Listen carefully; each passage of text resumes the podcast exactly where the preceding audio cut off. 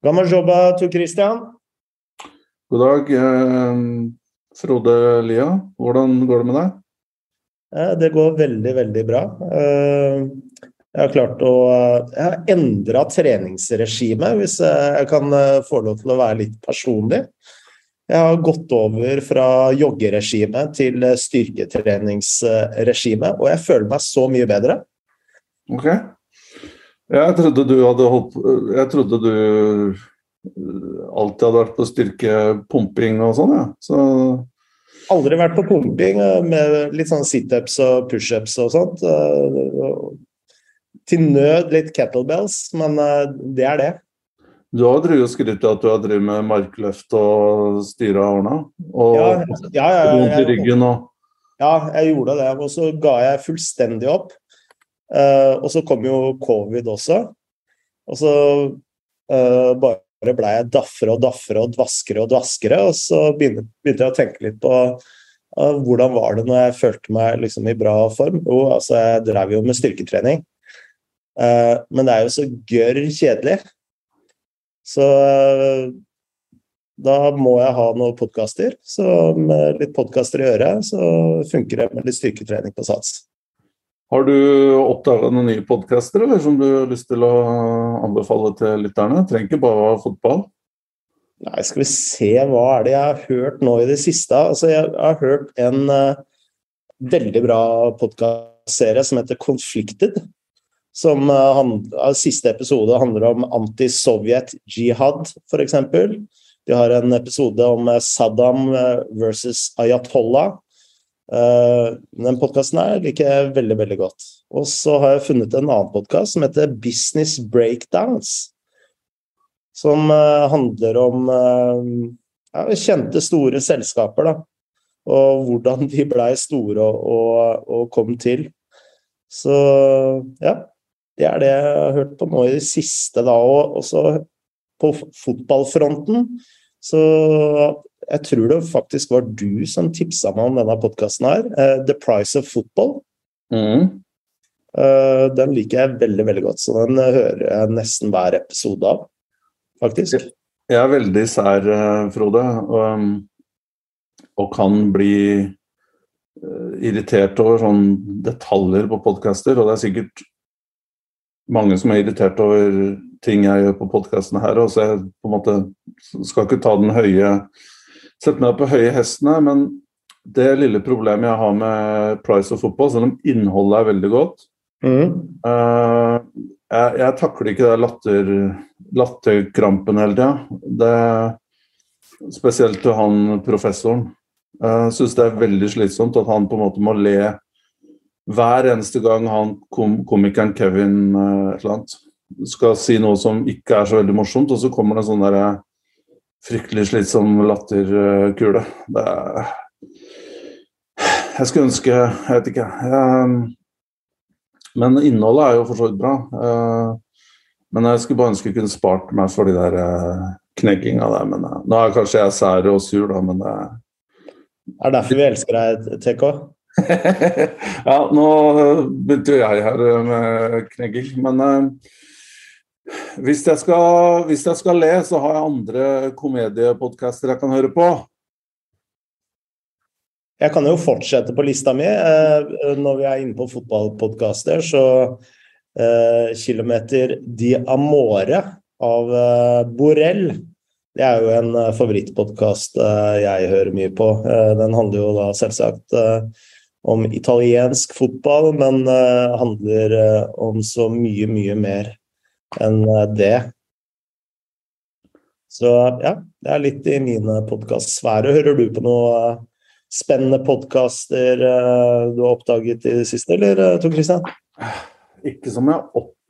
Ikke som på en måte er nye, kanskje, men jeg, Altså, fotballpodkaster hører jeg ikke så veldig mye på, faktisk, for å være helt ærlig. Um, det, mm, jeg hører litt på The Athletic sine, uh, spesielt den som de kjører som en slags uh, spesialgreie. Den kommer litt uregelmessig, men vi kaller det for business og football. hvor de gjerne har en gjest som er eh, som har en eller annen rolle i fotballen, om det er eier eller om det er styremedlemmer eller om det er eh, en del av management som, eh, som blir eh, som får snakke, snakke ut. Og under overgangsvinduet så syns jeg det er interessant å høre på The Athletic, med, spesielt med David Ornstein, som jeg syns er på en måte gold standard i, i det I den på en måte overgangsgreiene. Jeg opplever han som litt mer seriøs og velinformert enn veldig mange andre.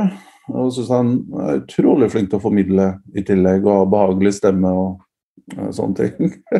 det er kanskje litt rar måte å si det på. Eh, men uh, ellers så har jeg én favorittpodkast som heter The Red Line. Uh, som er uh, australier som driver. Den kommer ut hver andre uke. Og det er geopolitikk hvor de inviterer da tre eksperter til å snakke om en slags pågående situasjon. da.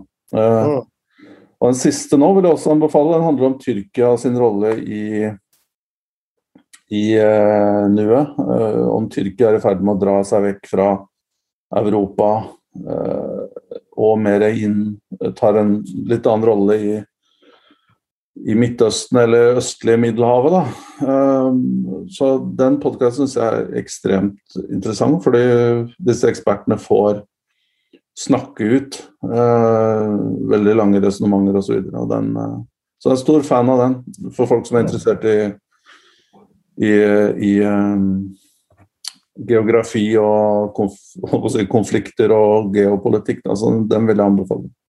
Mm. Uh, vi går jo inn i,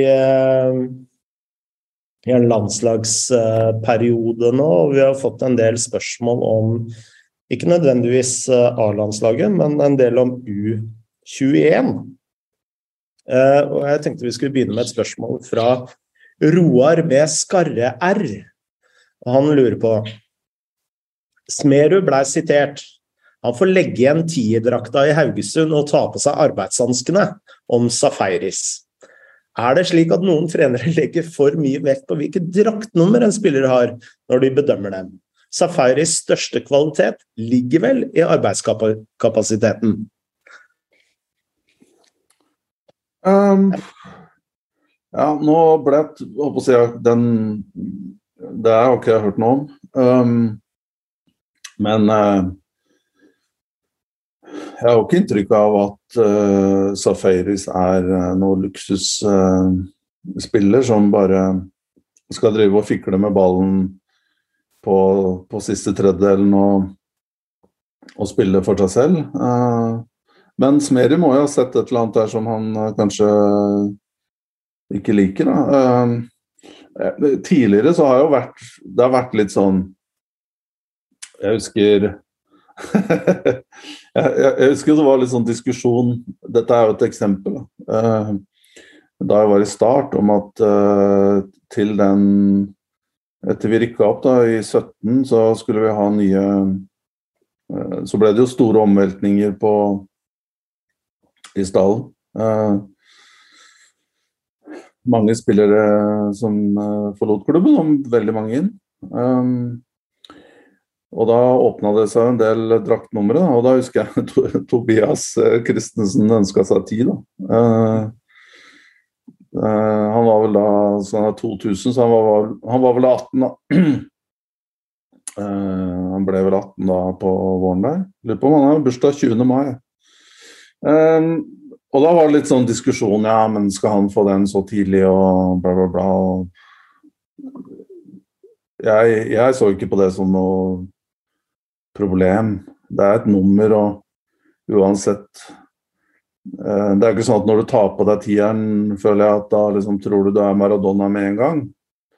Um, og så kan du også snu på det. og Jeg tror det var litt det Mark Dems gjorde, at ja, du får tieren, men det, nå må du også bevise at du er verdt den. Og, og tier i dag ikke, handler ikke bare om å, om å gjøre på en måte det kreative, da. Uh, mm. Så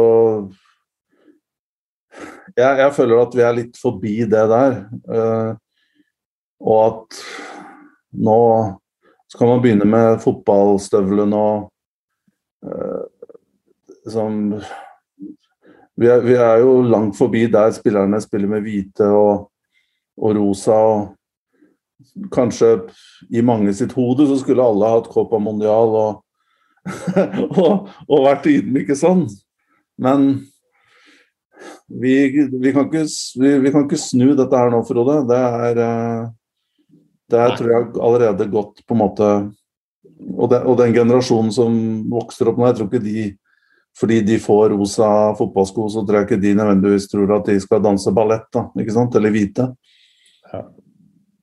Men eh, Roar med skarre her har jo et eh, poeng her. Altså, når jeg ser gjennom eh, denne U21-landslagstroppen, som nå for øvrig Tobias Christensen har blitt en del av, og hvis du skal først uh, oute noen for arbeidskapasitet, så er det så er vel Safaris den aller siste du skal be om å jobbe mer. Fordi eh, maken til arbeidsjern eh, skal du leite lenge etter. Altså. Fordi Safaris, han, altså det er bare work rate og intensitet og uh, alt det du ønsker hvis du vil ha arbeidsomme spillere. Så at han, hvis motivet var å ønske enda mer arbeidsinnsats eh, fra en spiller, så er vel Safaris den siste du liksom skulle ha dratt fram eh, som et eksempel, eh, tenker jeg, da. Så jeg, jeg må ærlig innrømme at jeg ikke helt skjønner skjønner poenget med det sitatet fra, fra Smerud overhodet. Og jeg, altså, En liten interessant greie. altså Hvis du setter det U21-landslaget opp mot uh, A-landslaget, så er det sånn påfallende uh, altså Selvsagt er jo kvaliteten høyere på et A-landslag, uh, det er ikke det jeg prøver å kommentere, men det er påfallende hvor flere hva skal vi kalle det, vinnertyper eller uh, innstilling uh, du finner på A-landslaget enn på U21-landslaget. Og der er jo faktisk Safaris en av de som har litt av den uh, mentaliteten som jeg mener Ståle Solbakken har fått litt mer inn da, i, i A-landslaget. At dette U21-landslaget virker veldig snilt i forhold til A-landslaget. Ja, det er mulig det, men det er jo unge gutter der. Og hvis vi hadde spola noen år tilbake, så kan det godt være at de som er på A-landslaget nå, i en alder av 2021, hadde vært oppfatta som øh, snille. Da. Så jeg vet ikke om det blir helt riktig å sette opp akkurat den, de, de faktorene der mot hverandre. Når vi snakker om fullt utvikla spillere som har vært med på veldig mye. og andre som på en måte er på vei opp. Men, men det kan jo også være Smerud, at det var en fleip eller at det var et eller annet han eh, Så jeg skal ikke tillegge han noen meninger her. så han, Det må han nesten svare for sjøl, hva han mente med det. Men det er ja, fått et spørsmål til eh, angående U21. Morgan Freder. Han eh, spør snakk gjerne om Nussa-saken og U21-landslaget sitter her med stor frustrasjon over at de utelater de to største talentene vi har som spiller seniorfotball. Snakker naturligvis om Skjeldrup også. Ja, Nosa den gikk vi jo gjennom forrige gang. Så jeg mm. kan jo henvise til forrige episode.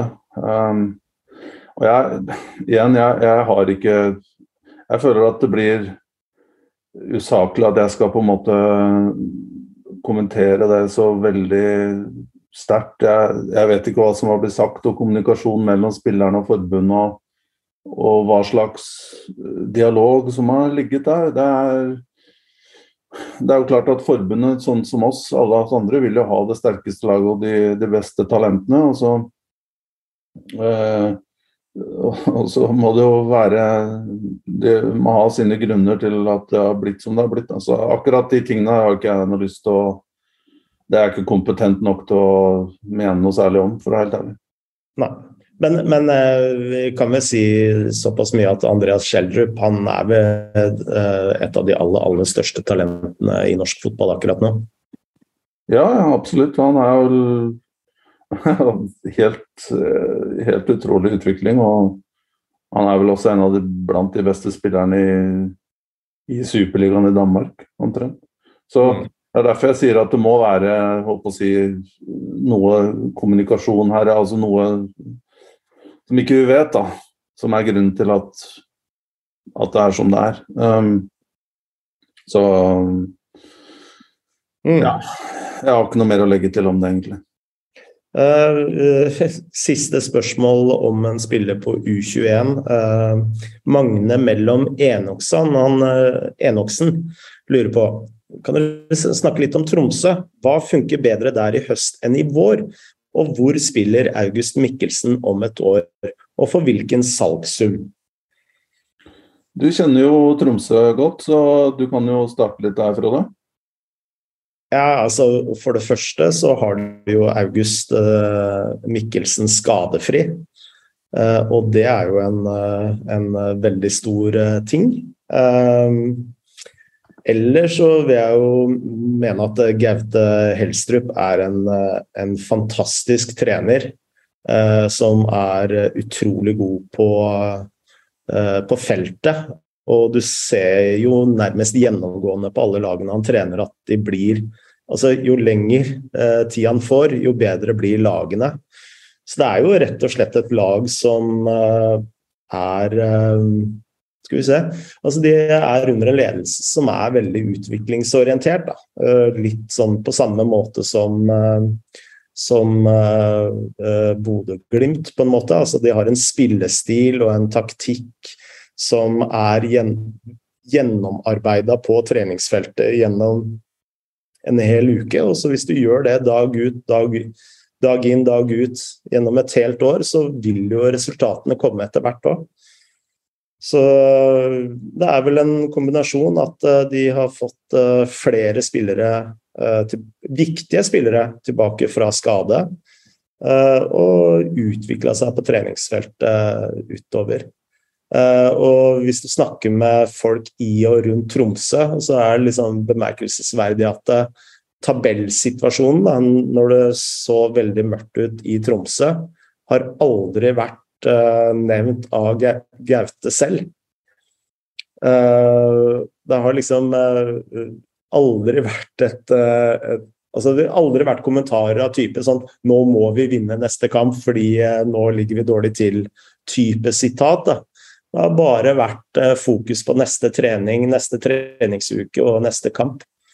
Så det sier jo litt om, eh, om eh, hva man jobber med oppe i Tromsø. Ja, og det er jo med sju runder igjen, så er jo Tromsø i praksis uh, har redda plassen. Og det var vel um, Det var vel ambisjonen der. Altså uh, ja. Og, og, det er jo for Tromsø en uh, veldig imponerende bragd. De har jo ja, bortsett fra De rykka jo opp i 2020, var det ikke det? Og i fjor så landa de vel på tolvte. Uh, og var også med i nedrykksstriden her en, en, periode. Og har jo vært alltid liksom en klubb som ender opp på 30-tallet Eh, på poeng, i hvert fall de siste ti årene. Jeg mener vel sånn Var det med Høgmo, eller sånn ti år siden så var det vel eh, på fjerdeplass og var høyt oppe der. Men ellers så har det jo vært stort sett endt et sted mellom Ja, det har vært et par nedrykk der og endt mellom 20 ja, mellom 30 og 40 poeng. da, og Nå er det jo allerede oppe på 31, og det er jo, det er jo meget bra.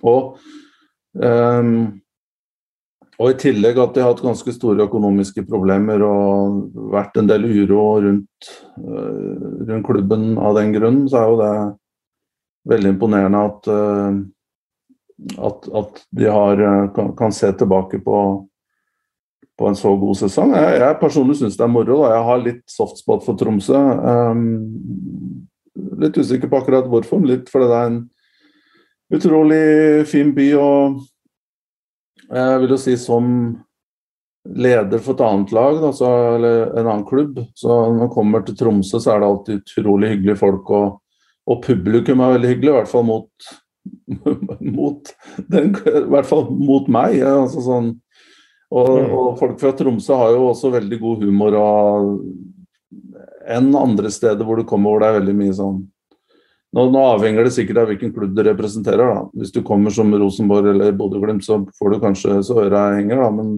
sånn skal det også være litt. da. Men jeg har i hvert fall hatt veldig gode opplevelser med eh, i Tromsø. og liker, eh, liker folka der og spillerne og klubben og atmosfæren. Så jeg syns det er moro at de gjør det bra. Og, og veldig moro med Helstrup òg, som slår meg som en ganske kompetent fyr og en god, god uh, pedagog. Uh, og bare så nevne at de, de gangene jeg har hatt noen dialog med Tromsø angående spillere uh, Vi henta jo til start Aron Sigurdarsson derfra, og det var igjen, syns jeg, veldig positiv.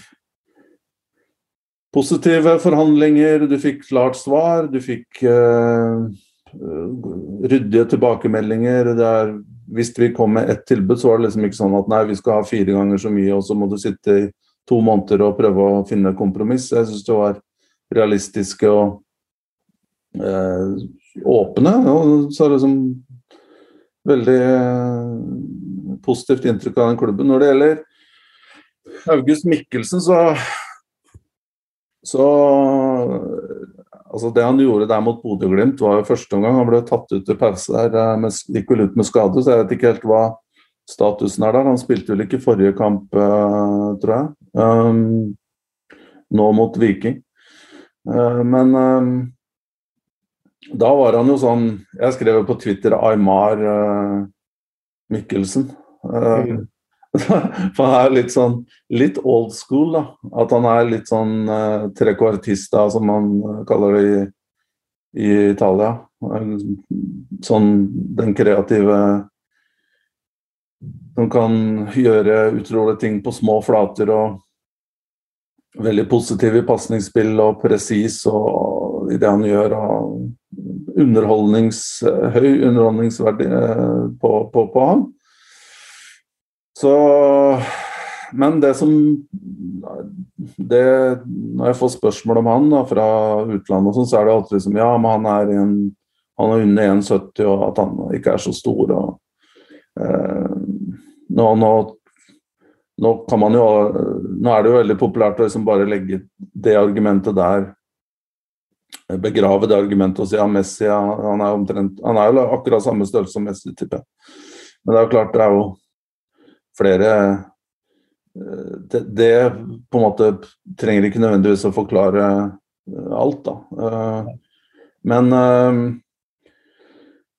jeg, jeg, tror det faktum at han, at han ikke er 1,80 Du må på en måte bevise litt mer og, og sånne ting. og det er jo også en tendens at selv kreative spillere At man i dag krever enda mer på en måte gjennombruddskraft i at du skal klare å gå på tunge løp og omtrent være like eh, gjennombruddssterk med ballen i 85 minutter som du er i, i, i det 15. Så det er litt sånn, sånne ting der, men det er jo klart eh, Det er jo en fantastisk fotballspiller, og han har jo så mye instinktiv fotball i seg. Sånn det å Nå er det så populært å snakke om skanning og alt det der, som om det er noe nytt. Men han, er jo sånn eh, For å si det på enklere måte, eller folkelig måte. Han vet hva han skal gjøre før han får ballen, og det handler jo selvsagt om, om blikk. Eh, men eh, også å kunne sette ut ideer kjapt.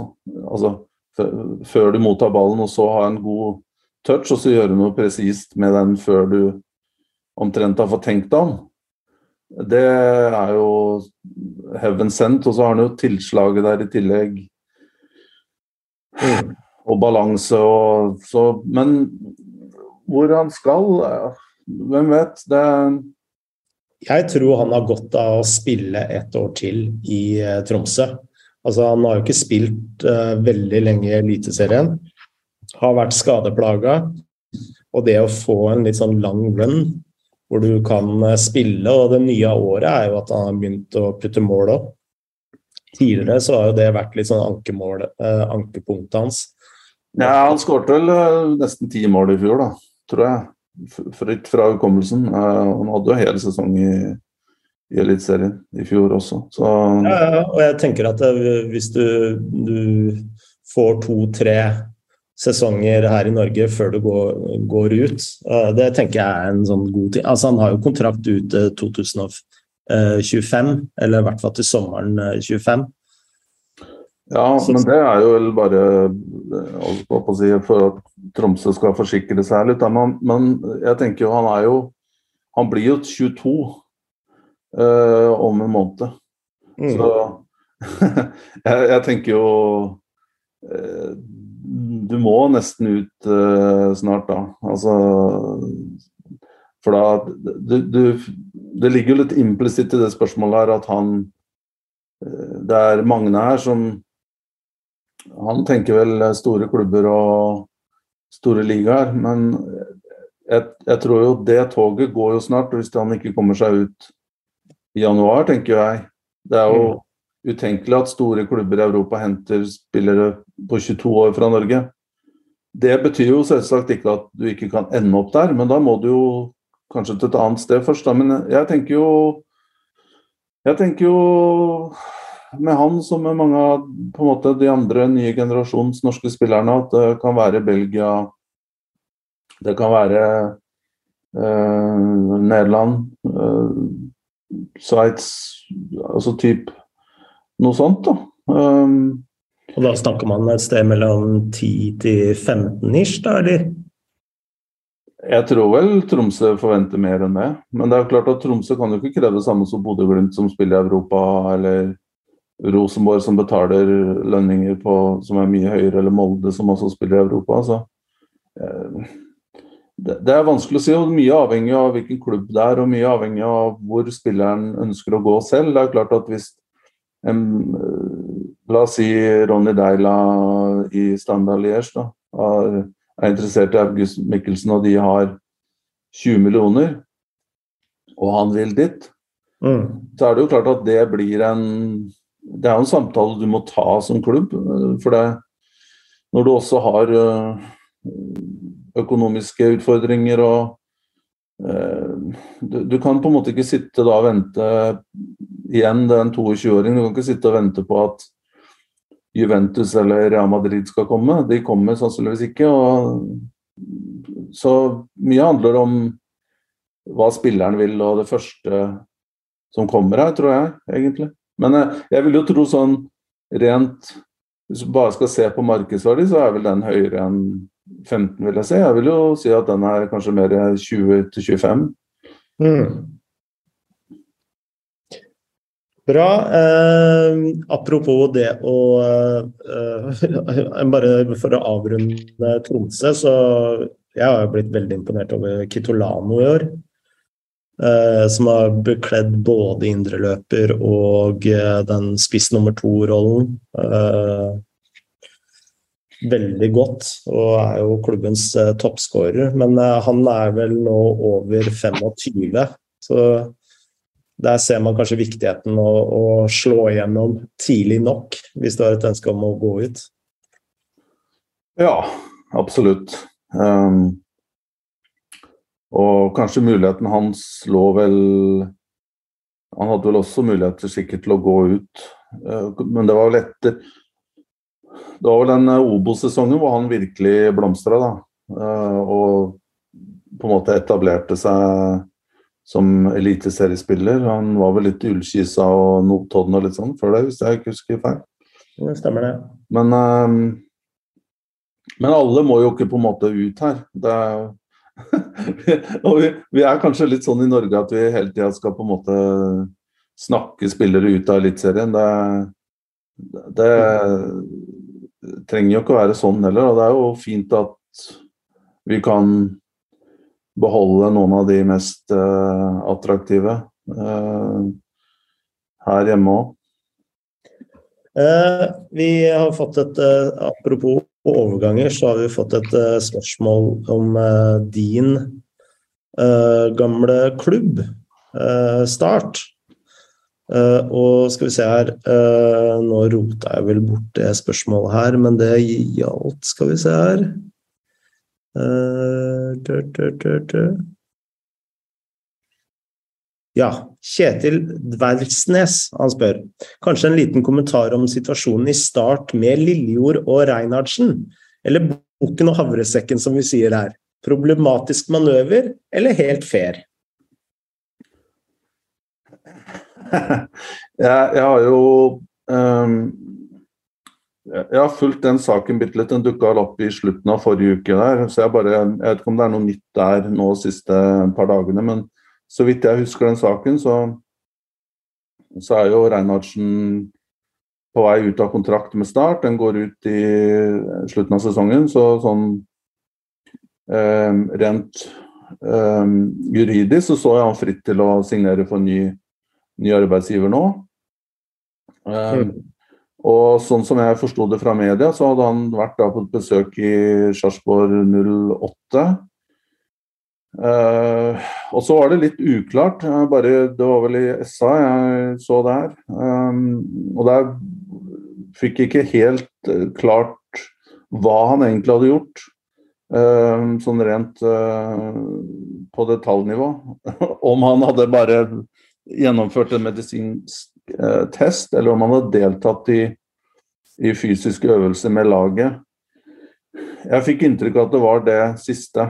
At han hadde på en måte vært ute i, i, i 08-attyret og, og løpt. Jeg fikk vel inntrykk av at han kom hjem skada? Ja, det sto det ingenting om i den, i det i den saken der, tror jeg. Så det er det jeg sier hva som har skjedd akkurat siste dagen. Men det er egentlig ikke så veldig viktig her, da, for det, det er jo mer det prinsipielle som, som er uh, interessant her. Um, om du som Altså det er det juridiske på en side som på en måte er, er uh, Ok, det er litt gråsone, men uh, han har jo lov om laget hadde fri, eller om han dro på kvelden, eller han altså Så lenge han rapporterer til de treningene han skal med start, så er det jo klart at Eh, de kan jo ikke nekte han å reise til en kjapp tur til Østfold og, eh, og gjøre ting der. Um, men på den annen side så er det jo også det etiske her at du representerer én klubb, og så er det jo på en måte ta på deg tøyet til en annen. Det er jo i hvert fall offentlig, da. At du løper litt på en tredemølle med, med, med blått og hvitt og viser deg fram på den måten, er jo holdt på å si, foran en eventuelt en medisinsk test. Det vil jo være en annen greie enn å være ute på feltet, for så vidt. Mm. Um, så det er klart, hvis jeg hadde vært leder i Start i dag, så hadde jeg jo reagert på det. Um, det, det, er, det, det er jo ikke pent, eh, for så vidt. Og det er en lokal eh, gutt fra Kristiansand, så vidt jeg vet. Han var jo, han var jo i Start 2 da jeg kom dit, eh, og var for så vidt litt ganske interessant spiller. Var vel mer stopper da. Og, men så, så forsvant han med, med, flere andre da han så at mulighetene kanskje ikke ble så store i og med at vi vi spissa og henta inn mange nye spillere. Men det er nå vann under broa. Men det er gledelig å se at han har, eh, at han har eh, kommet seg og, og at det, han har fått karrieren på, på god kurs. Mm. Eh, men det er bare en annen ting her. Det er jo at så er det jo kanskje litt Eh, ja, uheldig da, for Start at de ender opp med både han og så vidt jeg vet også Eirik Schultze, som ikke har signert ny kontrakt. Kan være Schultze har signert en ny kontrakt de siste par dagene, altså utenom at jeg vet det. Eh, jeg er i utlandet, så jeg har ikke helt full oversikt og har annet å gjøre enn å bare skanne lokalpressen Norge. Men uh, jeg, jeg, tenker jo det er litt sånn uh, Gå litt forsiktig fram, da. Uh, hvis du skal gjøre sånne ting. for det er litt respekt overfor den klubben du fortsatt er registrert hos, og spesielt også da når det er en, din egen på en måte barndomsklubb, så blir det litt, litt annerledes, synes jeg. Jeg vet ikke hva du tenker, Frode? Nei, jeg er helt enig, og det er jo en historikk her med, som gjør det ekstra delikat. Da, hvor man uh, burde ha vært litt uh, mer Eller hatt litt mer fingerspitzgefühl fra agent og spiller sin side. og jeg leser pressemeldingen nå, så skriver jo Start at, at en klubb fysisk belaster en av våre spillere helt uten vår tillatelse, slik at man ikke kunne fullføre onsdagens treningsøkt, er derimot ikke vanlig praksis. Og eh, det har du jo helt rett i. Eh, hvis det er det som har skjedd, så er det jo, eh, har du jo tråkket soleklart over en krystallklar strek. Ja, og det andre her er jo Eller tredje eller fjerde blir det kanskje, men det er jo også at eh, for Reinhardsen sin del så så ville jeg jo ikke ha reist til Sarpsborg og gjort noe annet enn eventuelt å foretatt en medisinsk sjekk og sagt at ok, det er fair, eh, kan bli med på det. Eh, og at vi eventuelt skriver en kontrakt. Eh, her blir det jo litt sånn bitte litt hybrid, eh, nesten en trial-greie. da. Mm. og en fysisk sjekk gjør det jo ikke på Alle vet jo at han kan løpe og han kan vinne dueller og han har god luft. og han er og han spilte jo kun noen dager før eh, mot Stjørdalsblink og skårte vel også et mål da, i den kampen her. Så mm. det, det, jeg forstår jo ikke helt hvorfor han skulle Eh, hvorfor han skulle på noe annet sted enn på en tredemølle der, da, eh, eller på en eh, fysiobenk.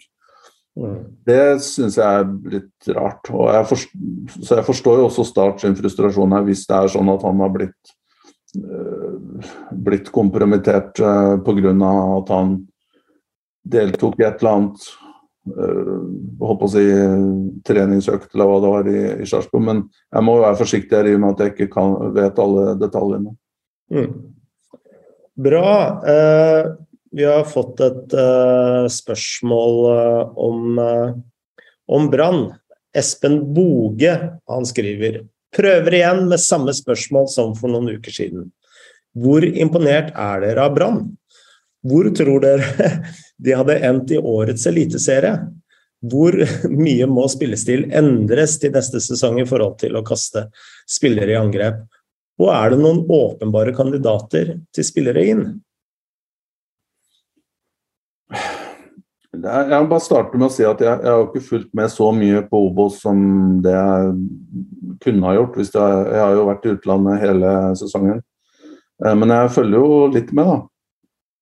Eh, og først vil jeg egentlig bare starte med å, å si eh, hvor imponert jeg er over både Horneland som eh, har å eh, si, fått så sving på Brann, i mangel på bedre uttrykk. og sportssjefen der òg, som fikk mye kritikk da han ble ansatt.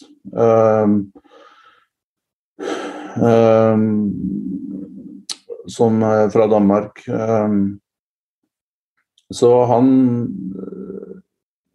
her har man jo Men det, det, det, er jo også på en måte ikke bare at de har fått ting til og satt laget og at det er godt organisert og de klarte å identifisere på en måte en elver og typen og uh, sette laget som Hordaland vi vet han er kapabel til å gjøre. Uh, og, og, fått spillerne på en måte motiverte det, det, nesten det mest imponerende med Brann er, er, jo ikke at de har rykka opp, men det er jo nesten at de bare fortsetter å, å dundre på etterpå. Mm. Um, men det at de har klart å etablere en, en vinnermentalitet og en vinnerkultur i klubben etter alt det styret som var for et år siden, uh, det er jo fantastisk. Uh, og en enorm uh, prestasjon. Og jeg tror nok Brann Brann, ok, rykka ned i fjor. Uh, var uheldig på kvalik der. Burde jo ha holdt plassen. Mm. Uh, men mye av det skyldes nok uroen i klubben og det styret. Ok, de var også dårlige før, før den partygreia der, nachspiel-saken. De lå vel også nede i bånn da, men det var jo også Kan man jo lese som et symptom på at det var dårlig disiplin i klubben og at det var en kultur der som ikke var bra i det hele tatt. Mm. Så det at de har på en måte snudd det skipet rundt her, og, og, og Brann er jo en Titanic i norsk uh, sammenheng. Det har ikke vært en, uh, en imponerende operasjon, for det kunne jo bare fortsatt å, å synke. Som, spesielt når du rykker ned i den konteksten og nyere historien som Brann har hatt, så kunne det bare fortsette å synke. Men, men eh, Obos i fjor, uh, Obos i år har ikke vært så sterk som det man, man trodde. Eh, fordi man har på en måte store navn, så betyr ikke det nødvendigvis at det betyr en kvalitativ sterk serie. Eh, men jeg, jeg, tror nok Brann Altså null tap 22 seire, tre uavgjort. Det er jo helt utrolig. Mm. Um, og Eliteserien er heller ikke så sterk at Så må du sikkert gjøre noen justeringer der. Uh, men at de hadde kommet på øvre halvdel, det tror jeg nesten er det, det bør det nesten være litt automatikk i, uh, syns jeg. da. Ja. Når du er så dominerende på nivået under. Jeg syns det er interessant det du sier om uh, kultur. Fordi altså, det er mye å være imponert over Brann for, men uh, det jeg kan, kanskje mest imponert over, det er denne kulturendringen. Og uh, når jeg ser Sivert Helte, Heltene Nilsen på banen der, så utstråler det noe helt annet enn det jeg har sett i Brann de siste åra. Eh, det oser en sånn trygghet. Og eh, med, med heltene Nilsen så har du fått inn en sånn trygg leder på banen. Som jeg ikke har sett at de har hatt de siste årene. Som altså Det virker som at kulturen er fullstendig, fullstendig endra. Altså, de spiller med mye lavere skuldre. Og det er jo også naturlig når resultatene kommer. Men eh, selv i kamper hvor du ser at eh, de har slitt, så har de liksom grinda på, for å bruke et engelsk ord, og, og aldri vært stressa. Jeg har ikke sett eh, et brannlag være stressa i år. Så det er kanskje det mest Og du nevner jo nye sportsdirektøren. altså han han satt jo hodet litt på blokka når du henter inn tre dansker. Eh, men så har jo alle tre også levert. Ja, absolutt. Jeg, jeg er ikke helt enig i den teorien der om at han om at han legger hodet laglig for hugg fordi han henter dansker. Altså, hvis du ser på Haugesund og du ser på flere andre norske klubber som henter dansker, så er det på en måte du skal La oss si hadde han vært, hadde sportssjefen vært holdt på å si fra Færøyene eller Island, eh, så hadde du henta en haug med spillere derfra, så hadde jeg jo skjønt at oi, dette her eh, kan bli eh, en utfordring. Men danske spillere er jo nesten så nære du kan komme garantier i, i norsk fotball. De gjør seg sjelden bort og er stort sett bitte litt bedre enn gjennomsnittet av norske spillere. Um, og, og, i tillegg så har det jo klart å så, så, på en måte det at han henter spillere fra et marked som er ekstremt interessant for norske klubber og har en suksessfaktor, det mener jeg er ganske naturlig. og um, så det var jeg aldri bekymra over, at, at, det kom til å komme substandard dansker. Fordi Jimmy Nagel er, er, er, har det samme passet. Men det jeg liker også med Brann, det er at det, som jeg sier, har fått satt et lag. Det, det, er veldig solid. Mentaliteten i laget er god. Som du sier, det har den ikke vært tidligere. Og i norsk fotball så kommer du også veldig langt på det. Mm. Det å ha en satt stamme med, med, med gode karakterer. De, ja, de har jo også liksom Som du også eh, nevnte, da. Liksom, Sivert eh, Heltene Nilsen har funnet sin plass der, og de har jo også hatt spillere som har vært for gode for Obos. Da tenker jeg på Mathias Rasmussen f.eks. Det er jo nesten et mirakel at ingen plukka han opp, selv om han ikke var liksom supergod i, i Brann i Eliteserien. Men nå så ser man jo at han er en spiller med stort potensial. Mm. Men jeg tenker jo um, jeg tenker jo at um, de spillerne her det, Og at du har fått en veldig god keeper i tillegg, Yngeland, syns jeg er På en måte Brann har jo liksom hatt bare sånn halvveis løsninger på keeperplassen i, i, lang tid, og Håkon Oppdal har måttet kommet inn og, og, og, og ta no, noen tak da, som han kanskje ikke i utgangspunktet skulle gjøre. Mm. Så det har gitt mer stabilitet. Og så har du disse unggutter, Blomberg og Wolfe og, og, og Vassberg, som er på vei opp. Felix Horn Myhre er 23, har også vært bra der. Som jeg sa, Rasmussen er ung. Og så er det klart å Så kan man diskutere Castro, f.eks., som også har vært strålende. Har han skal han endelig slå til Eliteserien. Uh, han har jo vært helt unplayable i Obos, men er det Hornland som skal få han til å bli en fullverdig eliteseriespiller? Det blir jo også spennende å, å se. Også. Og om det er nok mål. Uh, Heggebø som på en måte var bedre eller, Nå har han løsna litt for ham. Siste, siste seks-sju kampene her så har det jo virkelig blomstra opp igjen. Men han sleit jo litt på eh, fram til eh, august med uttelling. Men det er jo også positivt for Brann at han er på vei igjen. Ja. Så, ikke, ikke, den ja. mest betydningsfulle spilleren kanskje denne sesongen, men jeg har veldig soft spot for uh, Kasper Skånes, som uh, du hadde i start i sin tid. Han syns jeg har vært uh, veldig god de kampene jeg har sett han i Brann. Ja, han, og det faktum at de kan ha Kasper der som en joker og Han vet jo akkurat hva du får av til hver tid, og med den arbeidskapasiteten og mentaliteten hans da i tillegg. Eh, jeg tenker jo at eh, hvorfor ikke gi det laget her en sjanse? Og jeg tror ikke de kommer til å gjøre seg bort i Eliteserien. og og så er det jo noen utfordringer her da, med å forlenge kontrakten til uh, han godeste Vassberg. Uh, Wolf har vel kontrakt i en liten periode til, så han, han er jo ikke noe sånn stor prioritet, tror jeg.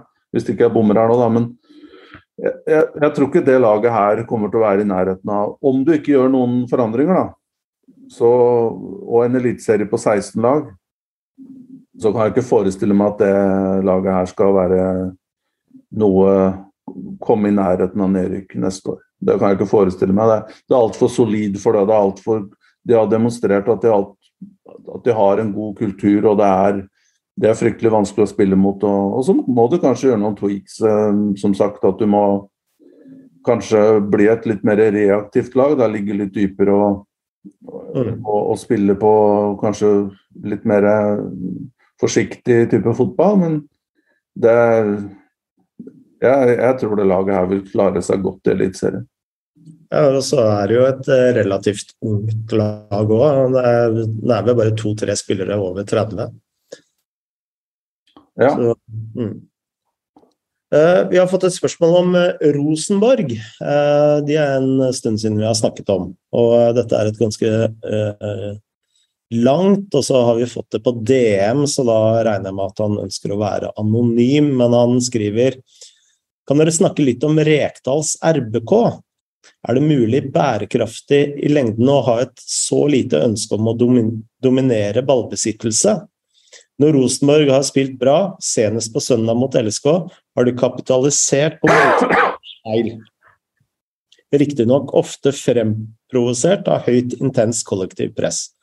Førsteomgangen trekkes frem som årsbeste av flere i klubben, inkludert Rekdal selv.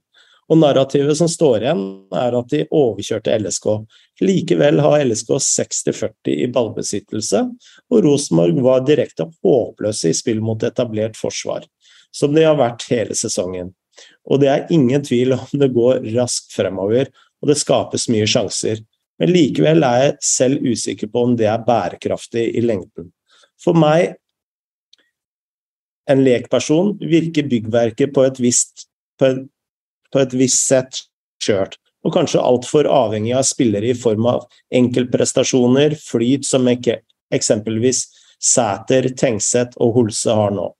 Glimt får jo til begge deler, både det direkte kontringsspillet, men også makter å holde ballen og ønsker å spille seg ut bakfra, mens André Hansen alltid peker forsvarsspillerne fremover etter et langt utspill, selv når bekkene er helt ledige. Det kan nesten virke som man trenger, og kanskje også ønsker, å miste ballen for å kunne vinne den tilbake, raskt når motstanderen er i ubalanse og på vei fremover. Jeg er positiv til Rekdal og Frigårds tanker om hurtig angrepsspill og kollektive presspill, men også litt bekymret over manglende eget spill. Det er påfallende hvor få trekk de evner å få til når de har ballen i laget. Ja, hva, hva sier du om RBK 2022, Frode? Nei, jeg tenker jo det er en, eh, en eh, god eh, beskrivelse av Rosenborg innsenderen her har. Og jeg tenker jo det at Altså det går an å vinne eh, ligaer og cuper på, på, å spille all slags type fotball. Altså I alle typer formasjoner og spillestiler. Altså bare, bare, i La Liga så har både Atletico Madrid og Barcelona vunnet uh, serien, liksom. Så det, så det er jo én ting. Men uh, det jeg tror er veldig viktig, det er at et lag et lag som vinner serien, det, det, som kjennetegner et sånt lag, det er at de klarer å beherske flere momenter av spillet. Altså de er Og så er det kanskje mange som drar fram Leicester som et eksempel. Men hvis du tar Leicester som et eksempel, så var det jo ikke sånn at de utelukkende spilte kontringsfotball. Altså de spilte også god eh, fotball hvor de eh, eller hadde et veldig godt grunnspill, hvor de spilte seg gjennom midtbanen. Så hvis de lå under 1-0 og måtte jage en scoring hvor motstanderen la seg dypt, så klarte de også å, å beherske den type uh, spill. Så når han snakker om en bekymring, så er det sånn Ja, altså hvis Rosenborg tar mål av seg uh, for å vinne uh, Eliteserien, så må de også kunne spille seg ut bakfra og spille seg ut gjennom midtbanen. Fordi, og det, dette ble jo litt Nå har vi skrytt veldig av Eirik Horneland uh, i Brann, men det ble jo litt hans bane også i Rosenborg. At uh, han hele tiden skulle kjøre på denne turbofotballen, og så ble de kontra i senk. Og hadde for lite uh, Nå er jo ikke denne utfordringen det samme Eh, med, eh, med Rosenborg under Rekdal, i og med at han står igjen med, med, flere spillere. Altså De er rett og slett mer balansert. Men eh, de sleit jo også med grunnspillet under Hornland. Eh, som eh, har jo liksom vært eh, kjennemerket på Rosenborg-fotballen i alle årene under Nils Arne Eggen. Så jeg tror at hvis du skal liksom komme helt til topp, og Dette ser du også i Lillestrøm, at banespillet, eller grunnspillet til Lillestrøm er altfor dårlig. Uh, og da klarer du liksom ikke å nå helt opp. Og jeg tror jo det er forskjellen på Molde og Bodø-Glimt og Rosenborg og Lillestrøm. Det er akkurat den delen av spillet. Og den delen av spillet må du ha på plass hvis du skal gå helt til topp. Altså det å eh, basere spillet Eller beherske dødballer, høyt press, godt forsvarsspill. Det, det, får deg til et visst nivå, men ikke helt til toppen. Ja um, um, jeg, jeg, er faktisk litt, bitte litt usikker, for det i Eliteserien så er det så mange poeng å plukke mot si, svakere lag at hvis du vinner de kampene som eh, du bør og skal vinne, så får det deg en lang vei. og OK, Molde er 14 poeng foran RBK, så det er klart Og Molde er jo et mer, mer spillende lag med å si, mer hva skal jeg si eh, Tydeligere bevegelser og uh, mer uh, kreativitet, da, kanskje på tredje, siste tredjedel. Mm. Mens som du sier, Rosenborg er et lag som må ha, må ha plass. Men det er klart, når du Jeg er litt sånn delt her. På én side så er jeg jo enig i at når du ansetter en trener, så er jo bør jo ideen din være du skal utvikle laget til, eh, til å bli et eh, voksent lag som kan spille på flere strenger. Eh, spesielt selvsagt off offensivt etter en periode. og på den annen side, så når du altså Rekdal det har jo stabilisert seg til en viss grad her, da, og ligger på tredjeplass. og Eh, er å skårer mål og er eh, nå, nå, har du på en måte en bitte liten fordel at det ikke er spill i Europa. Det gjør både ja, og Vi får jo legge til det at både Lillestrøm og Rosenborg ligger jo over Bodø-Glimt på tabellen. Men eh, nå legger vi Europa litt i, i den potten. Vi gjør vel det, Tor Kristian? Ja, jeg, jeg, mener i hvert fall det er det, det bør, bør, være det, At det er en faktor. Um, og det, det, har vel også blitt sagt på podkasten her at um, desto tøffere konkurransen blir for Bodø-Glimt i, i, Europa, uh, jo mer må de uh, på å si, ofre Eliteserien. Så det, det syns jeg er naturlig at de har fått en liten uh, nedtur nå. Uh, siste siste månedene. På grunn av, ikke bare pga. belastning, men også pga. prioritering. At du må Du, du kan ikke spille eh, doble, doble, uker hver eneste uke uten at du roterer litt. Og det er lange reiser, og det er mental eh, eh belastning osv. Så, videre. så så Rosenborg har kanskje kapitalisert bitte litt på det også, men det jeg føler Rosenborg har vært flinke til nå, da, det er jo at det ikke går I hvert fall ikke på hjemmebane, så går det ikke på de smellene som det har gjort tidligere. Og hvis du skal bli veldig ambisiøs i spillestil med la oss si et umodent lag Ok, det er mange erfarne spillere der. Det er Henriksen, det er og eh, med flere. Men det er klart, du må jo være klar for å klar for å dyrke den spillestilen og du må ha spillere som på en måte har både selvtillit og tekniske karakteristikker til å klare å holde ballen i, lag og flytte på motstanderen og skape sjanse mot lavsittende lag. Eller så ender det jo sånn som det har gjort tidligere, med å bli kontra i senk. Så på det stadiet som Rosenborg er og har vært, og med tanke på at det er et lag som har endt på fjerde-femteplass de siste to sesongene, så, så, er det jo lov å på en måte si at det her er en positiv framgang. Og de ligger jo an til, hvis de på en måte fortsetter og har en god slutten på sesongen, så ligger det jo an til å få flere poeng enn det de har gjort de siste to-tre sesongene. Altså,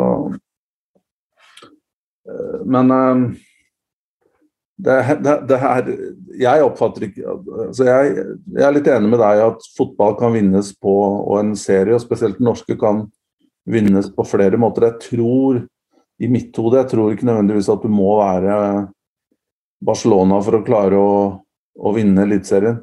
mye. Du kommer veldig langt med å klare å plukke tre poeng, sånn som de gjorde det borte mot Odd. og De slo HamKam med et mål, og de slo Ålesund med et mål. Det, det, det, kan være nok, da. Mm. Men det, det artikkel, eh, eller innskriveren, eh, er kanskje bekymra for, er vel disse bananskallene som virker litt sånn tilfeldig, da. Altså taper 2-1 mot Haugesund, 4-3 mot uh, Tromsø. At uh, Eller det er bare kanskje sånn det er.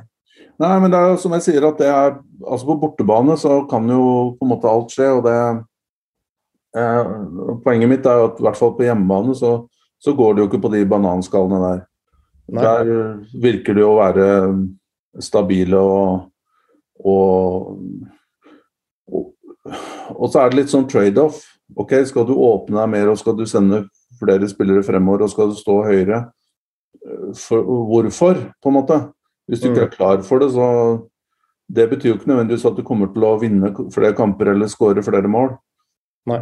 Så jeg føler at her må man være litt tålmodig og eh, og det kanskje viktigste for Rosenborg før den sesongen her Fjor var det jo katastrofe med femteplass.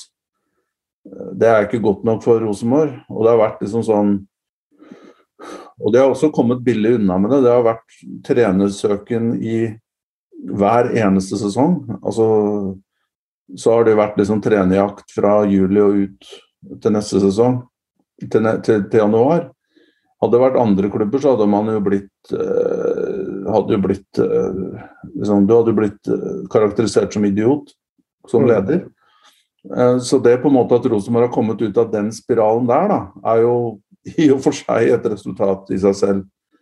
Så, men det er også, forstår også at det er frustrerende for supportere som er vant til Som husker Rosenborg fra midten av midten av forrige eh, tiår og, og før det òg, hvor det på en måte var uh, lokomotiv som bare rulla over alle motstandere. Men, men uh, jeg tror I hvert fall sett fra mine øyne så vil jeg tenke at det er i hvert fall noe progresjon her å spore, hvis du ser sesongen uh, totalt sett. Mm. Absolutt. Absolutt. Uh, og fordi altså Molde er jo helt suverene. Eh, men eh, de to andre europaplassene blir det jo et rotterace rundt nå. Eh, nå har du Lillestrøm på 44, Rosenborg på 43, Bodø-Glimt på 42. Og så kan du slenge inn Vålerenga, som er i storform med 39 poeng. Så blir det en vanvittig innspurt i Eliteserien. Jeg vil bare nevne én spiller som, uh, som jeg har blitt skikkelig glad i uh, på, på, Lillestrøm av alle ting. Magnus Knutsen. Herregud, han for en spiller. Ja, uh, du får fortelle litt Du får gi noen Du får gi litt bakgrunn da, til hvorfor du har blitt så opptatt av han. Nei, altså jeg, jeg, jeg nå, jeg tror det er sønnen til Jon Knutsen, gamle Lillestrøm og Stabæk og landslagskeeperen vår. Men Magnus, en skikkelig boks-til-boks midtbanespiller.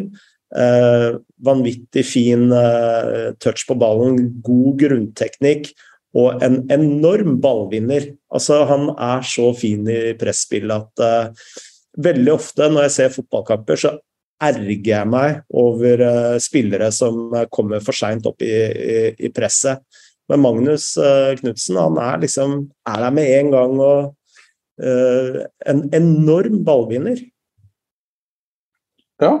Nei, det er um, Det er Godt å høre at han Ja, det var litt sånn tvil om hva som ble med han. han det er han som var i Rostov i ble solgt, var det ikke det? Og så ble han henta tilbake på lån der. Så det kunne jo vært uh, annerledes. Men uh, skal vi ta en liten tur ut av landet, eller før vi gir oss? Det kan vi gjøre. Eh, vi har jo fått et spørsmål om italiensk fotball. Og Di Tomasso han lurer på Inter og Juventus malt seg inn i et hjørne, begge to. Klarer ikke å se hvordan de skal komme opp i et høyt internasjonalt nivå om de ikke gjør større fundamentale endringer. Hva kan du gjøre, TK? Kom med noe med Petagolesso fra dine kontakter i støvellandet. ja, det er jo Spørsmålet er hvor, hvor skal vi starte her uh, med, de, med, de, to klubbene der, da. Um, du hadde vel en tweet uh, nå i helga at uh, dette var første gang du hadde fulgt Serie A i over 100 år, og du har aldri opplevd at alle storlagene tapte samtidig? Ja, i hvert fall de tre fra nord der, da. Juventus, Inter og, og Milan, som taper samme kamp eh, dag, faktisk. Eh, alle tapte vel på søndag. Mm. Eh, og ja, men jeg fikk jo, fikk jo, fort svar på det. Det var to forskjellige. Det var noen som posta at det var for sist gang var midten av 90-tallet. Og, og, så var det den offisielle kontoen til Lega, altså Serie A, som skrev at vi måtte enda lenger tilbake. Jeg lurer på om det var 50-tallet eller noe sånt. Men det kan jo folk uh, finne ut av selv. Men uh, det er i hvert fall oppsiktsvekkende.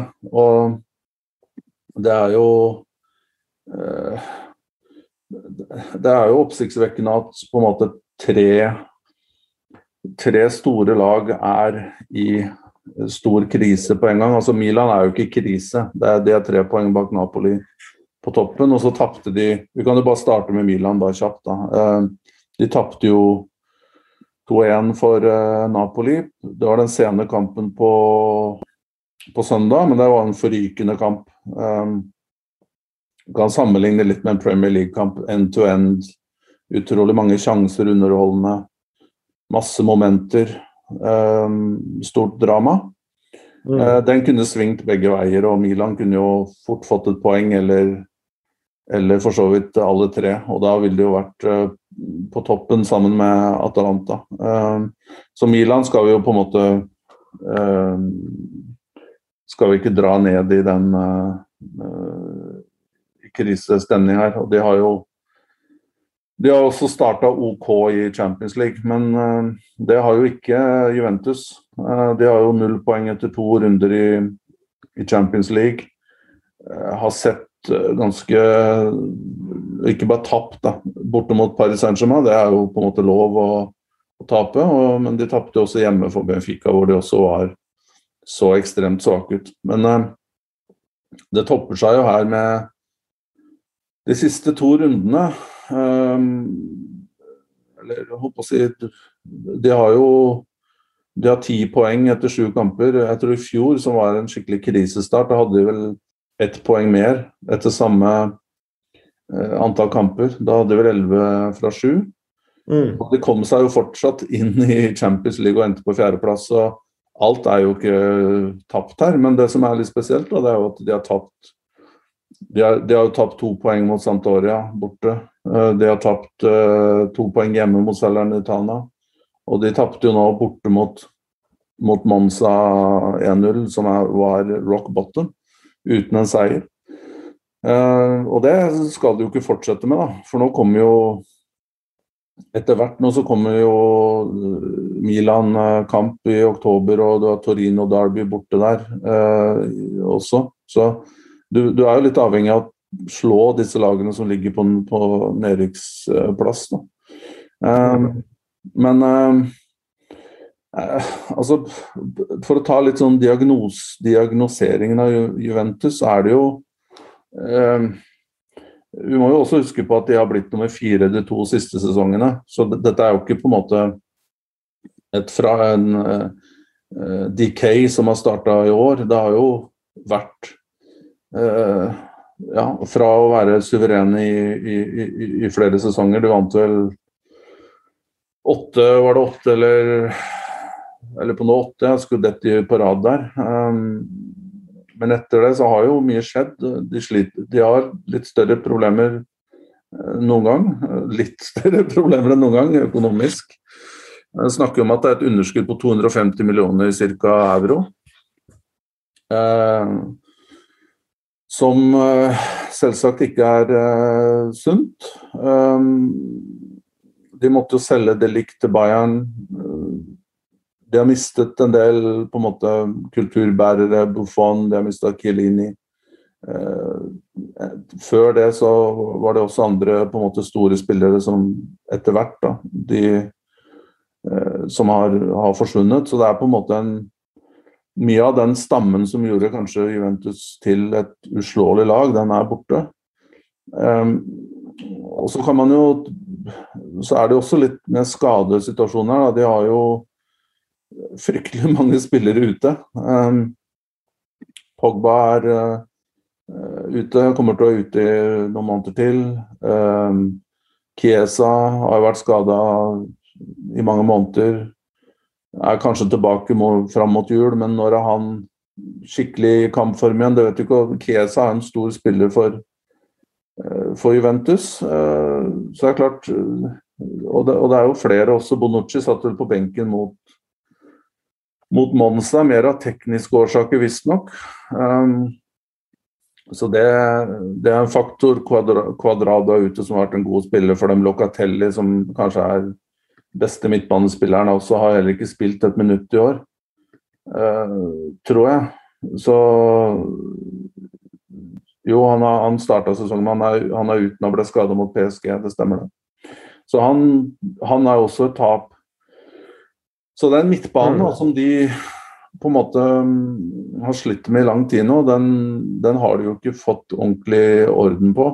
Um, det starta med Paredes, som er ute av eh, kampfitness. Han kom sent i overgangsvinduet. Han, eh, han har vært, ikke vært bra i det hele tatt.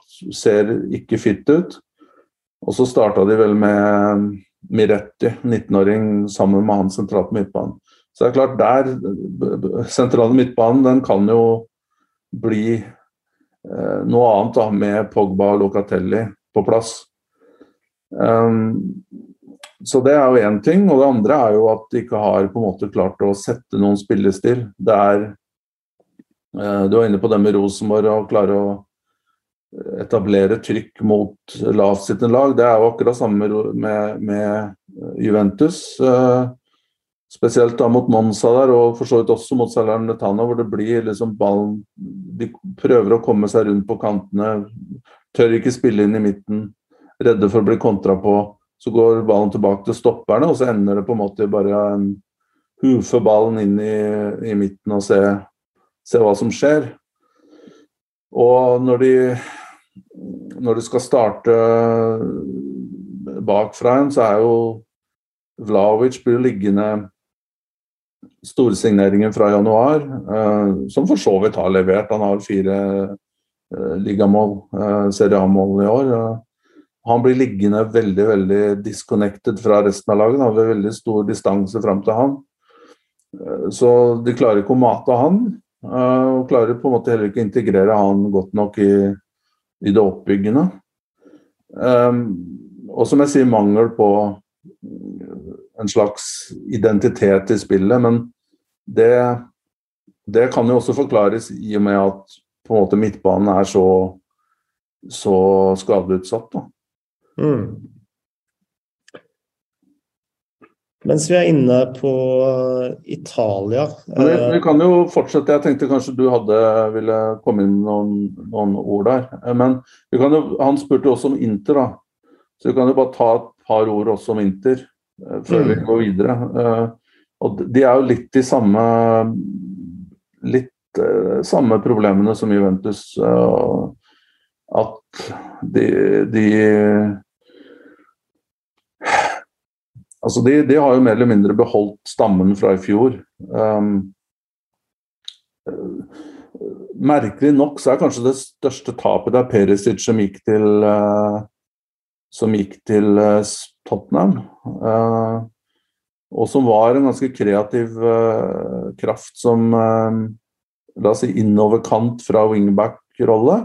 Mm. og nå har de litt andre nå er det vel stort sett uh, Gåsens da, som, uh, som skulle være da, den spilleren. Uh, Ta den wingback-rollen der, men har ikke på en måte Så har de prøvd Dar Darmian der, og det har litt forskjellige liksom, Prøvd å demme opp for tapet på, av, av Pericic på, på, på flere måter.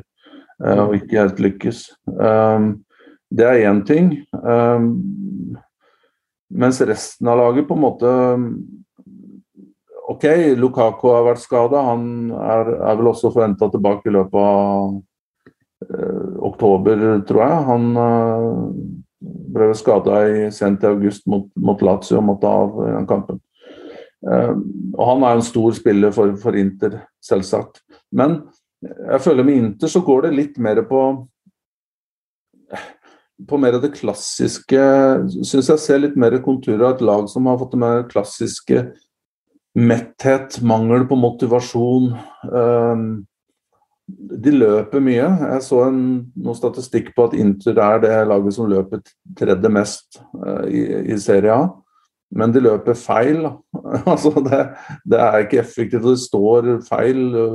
Baneorganiseringen er ikke så god som den har vært.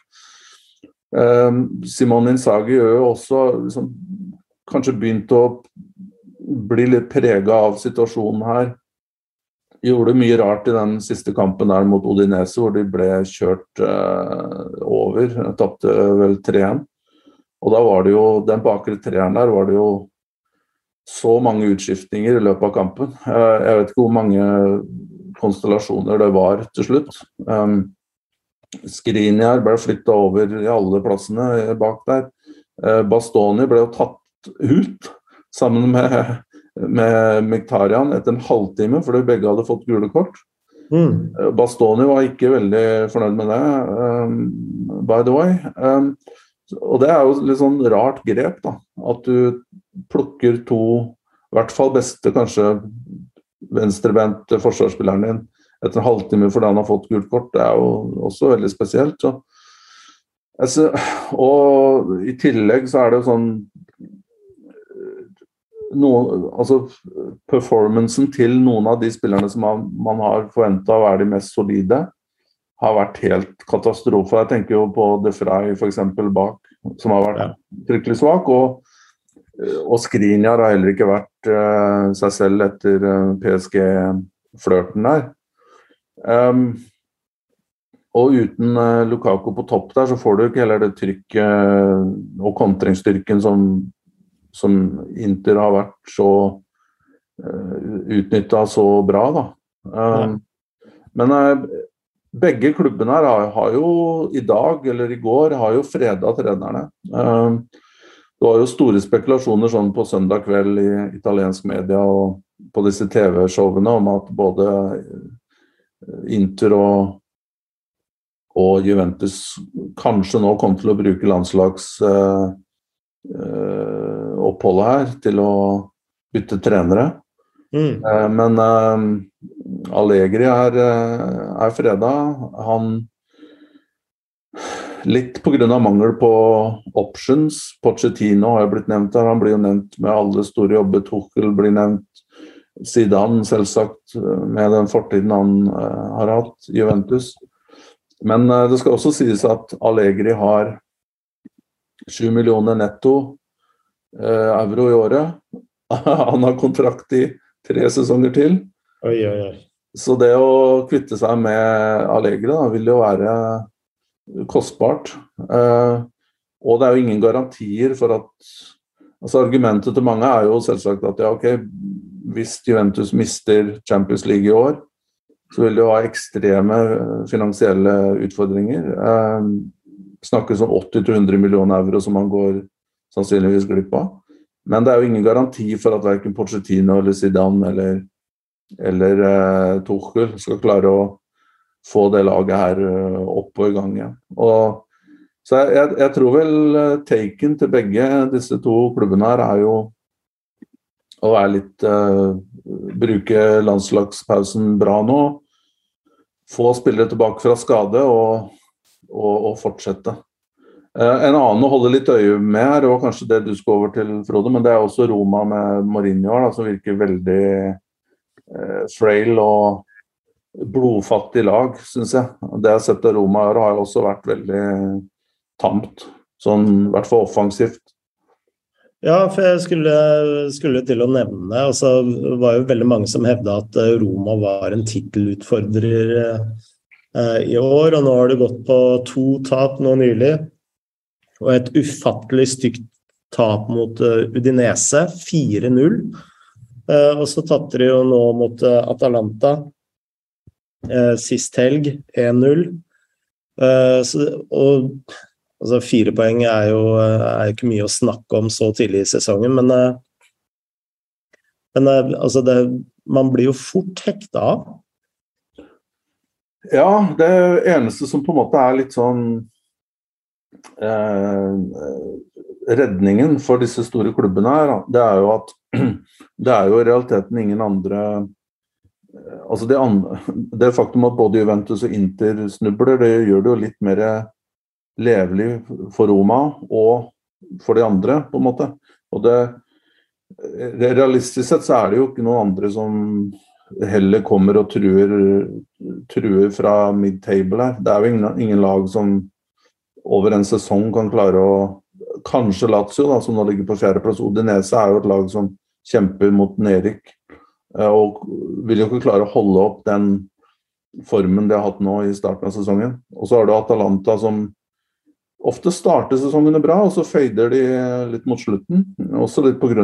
at de er i I hvert fall tidligere da, har vært i, i, Europa og brukt mye krefter på det. Nå, nå, er det jo ikke det i år, og da blir det jo spennende å se om det kan eh, på en måte bidra til at Atalanta kan holde holde koket eller holde formen lengre. Men når jeg bare ser på Roma for å avslutte Og jeg er enig med deg at det var mye snakk om før sesongen at det kunne bli Romas sesong. og eh, De fikk inn Matic på midtbanen, og de fikk inn album som, som fikk en alvorlig skade, så han er vel ikke tilbake på, på lang tid. Det er jo en stor blow, det òg. Men det, men det syns jeg er litt sånn Som ikke gir så mye uh, Litt mer pessimisme da, for Roma sin del, er jo at OK, Mourinho er Mourinho. Du kommer aldri til å se et lag Du kan si Mourinho er eh, Italias Rekdala, på en måte, om du vil. Altså, den type trener vil jo alltid på en måte være forbundet til sine grunnverdier, som er litt safety first og, eh, og forsiktig tilnærming.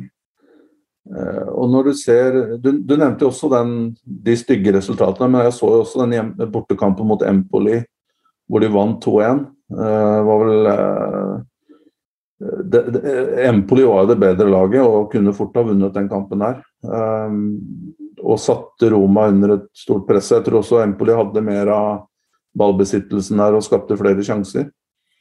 Um, men det som bekymrer meg litt med Roma, det er jo kreativiteten og fremover på banen. Ok, du har fått inn Dybala som en slags innover Som en slags tier, starter fra høyre.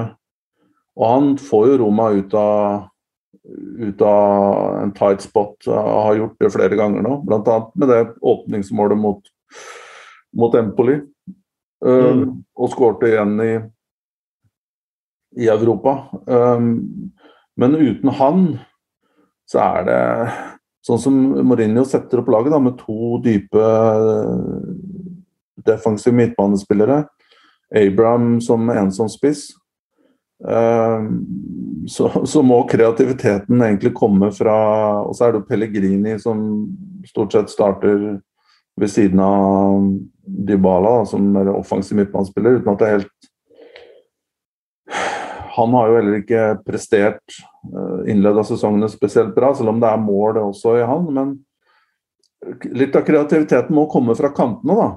Med, mm. med Spinazzola som er tilbake i, i uh, og, og, for så vidt vært positiv, og, og, og, og Selik på andre på høyre kanten, Men det, det blir allikevel litt sånn baktungt og vanskelig å se hvor, uh, hvor hvor de store sjansene og mål skal komme fra i det laget her. Mm. Bra. Eh, vi begynner å komme oss litt på overtid, men eh, mens vi snakker om italienere, så har eh, Brighton fått en eh, ny eh, italiensk eh, trener. Ja, hva tenker du om Roberto Di Serbi i Brighton, TK? Um, jeg syns jo at det er Det er veldig spennende. Og um, det er det er jo en trener som er veldig klar. Eh, har et klart konsept, har klar eh, filosofi. Eh, er vel også inspirert av engelsk fotball. Skal gå i lengderetning, høyt press. Må ha spillere som er med utholdenhet. Skal og veldig veldig gode gjenvinningsspillet, selvsagt, og omstilling. Når de vinner ballen, så er det sånn Har de de riktige bevegelsene og gode alternativer. Um, så rent fotballfaglig så er vel en av de mer spennende trenerne i, i omløp, vil jeg si. Uh, så, så, så, er jeg litt sånn nysgjerrig på kult, det kulturelle her. Det er jo en trener som ikke har vært i hovedsak utenfor um, Italia, verken som spiller eller, eller trener. Han hadde, hadde, vel et opphold i Romania tror jeg, i to-tre år som spiller på enden av karrieren. Og så var han jo i Sjakta Donetsk et halvt år um, før um, før uh, invasjonen der, og da, da, ble jo det slutt.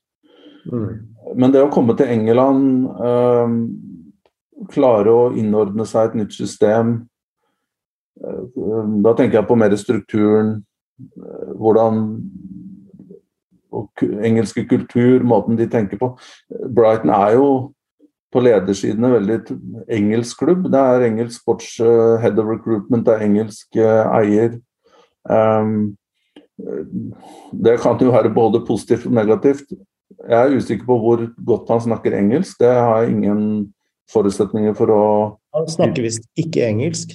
Han snakker ikke engelsk, nei. Det, det er jo en issue. Um, Romania kommer du deg unna med italiensk. De forstår jo Det er jo ganske like språk. Uh, og i Sjaktar så trenger du jo en god tolk som snakker russisk. Um, ikke ukrainsk, tror jeg, i den klubben her. Men um, det er jo et spørsmålstegn. Og på en måte med det temperamentet han har For det er jo De Serbia er også på en måte litt sånn mini-Mourinho. Ikke hva gjelder spillestil, han er jo mye mer offensiv og uh, positiv. Um, når det gjelder uh, det som skjer på treningsfeltet og på banen. Men uh, jeg har fulgt han en god stund, og han han har jo et ego. Han er en type som liker å ja, liker å være litt forbo med media, være litt cheeky. Uh, tenner fort. Ja, hvordan, hvordan går det her, da? Med, med konservative engelskmenn som er vant til Potter, som er på en måte uh, veldig lugn og mm. fornuftig og pedagog. Her får du en, her får du en litt sånn rottweiler, da. Så ja, har du troa på dette her, Frode? Jeg veit ikke. Jeg aner ikke. Altså, Fotballfaglig så tror jeg det er eh, en kjempematch. Altså, Man sier jo at han er veldig inspirert av både Bielsa og Pep Guardiola. Altså, Han spiste vel middag med Pep Guardiola allerede for et par uker siden. Uh, men uh, Så det fotballfaglige tror jeg vil passe bra inn i, i, i Brighton. Jeg er litt sånn mer usikker på altså Når du ikke kan språket, hvor heldig er det?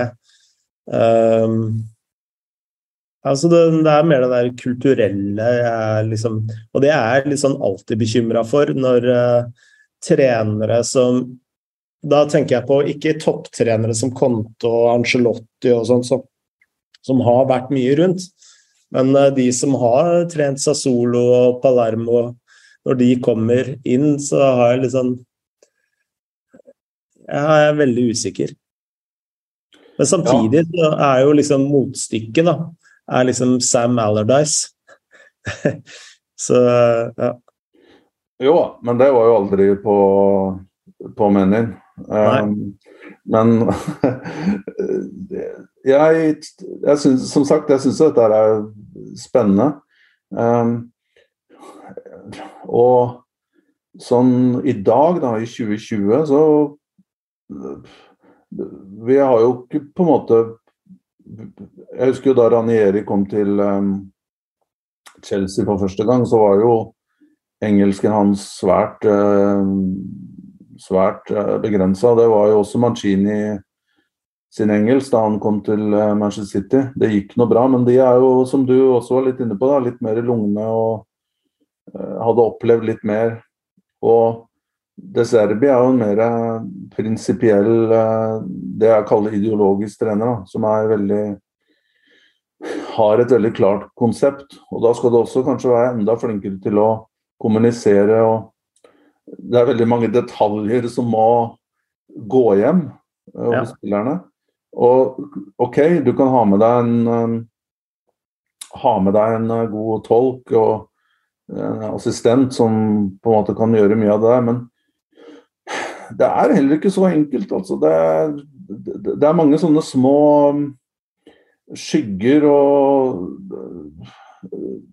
detaljer, små eh, finesse på ting som faller bort ved at du ikke mm. kan mestre språket. Um, jeg har en liten anekdote der. Eh, eh, faktisk så eh, snakka med en uh, Jeg skal ikke oute navnet hans, men har spilt i Premier League og, og, er norsk. Og han fortalte at uh, han hadde hatt en trener hvor han ikke forsto Han var ikke engelsk, men uh, han uh, forsto Eller treneren hadde kommet med noen kommentarer til ham.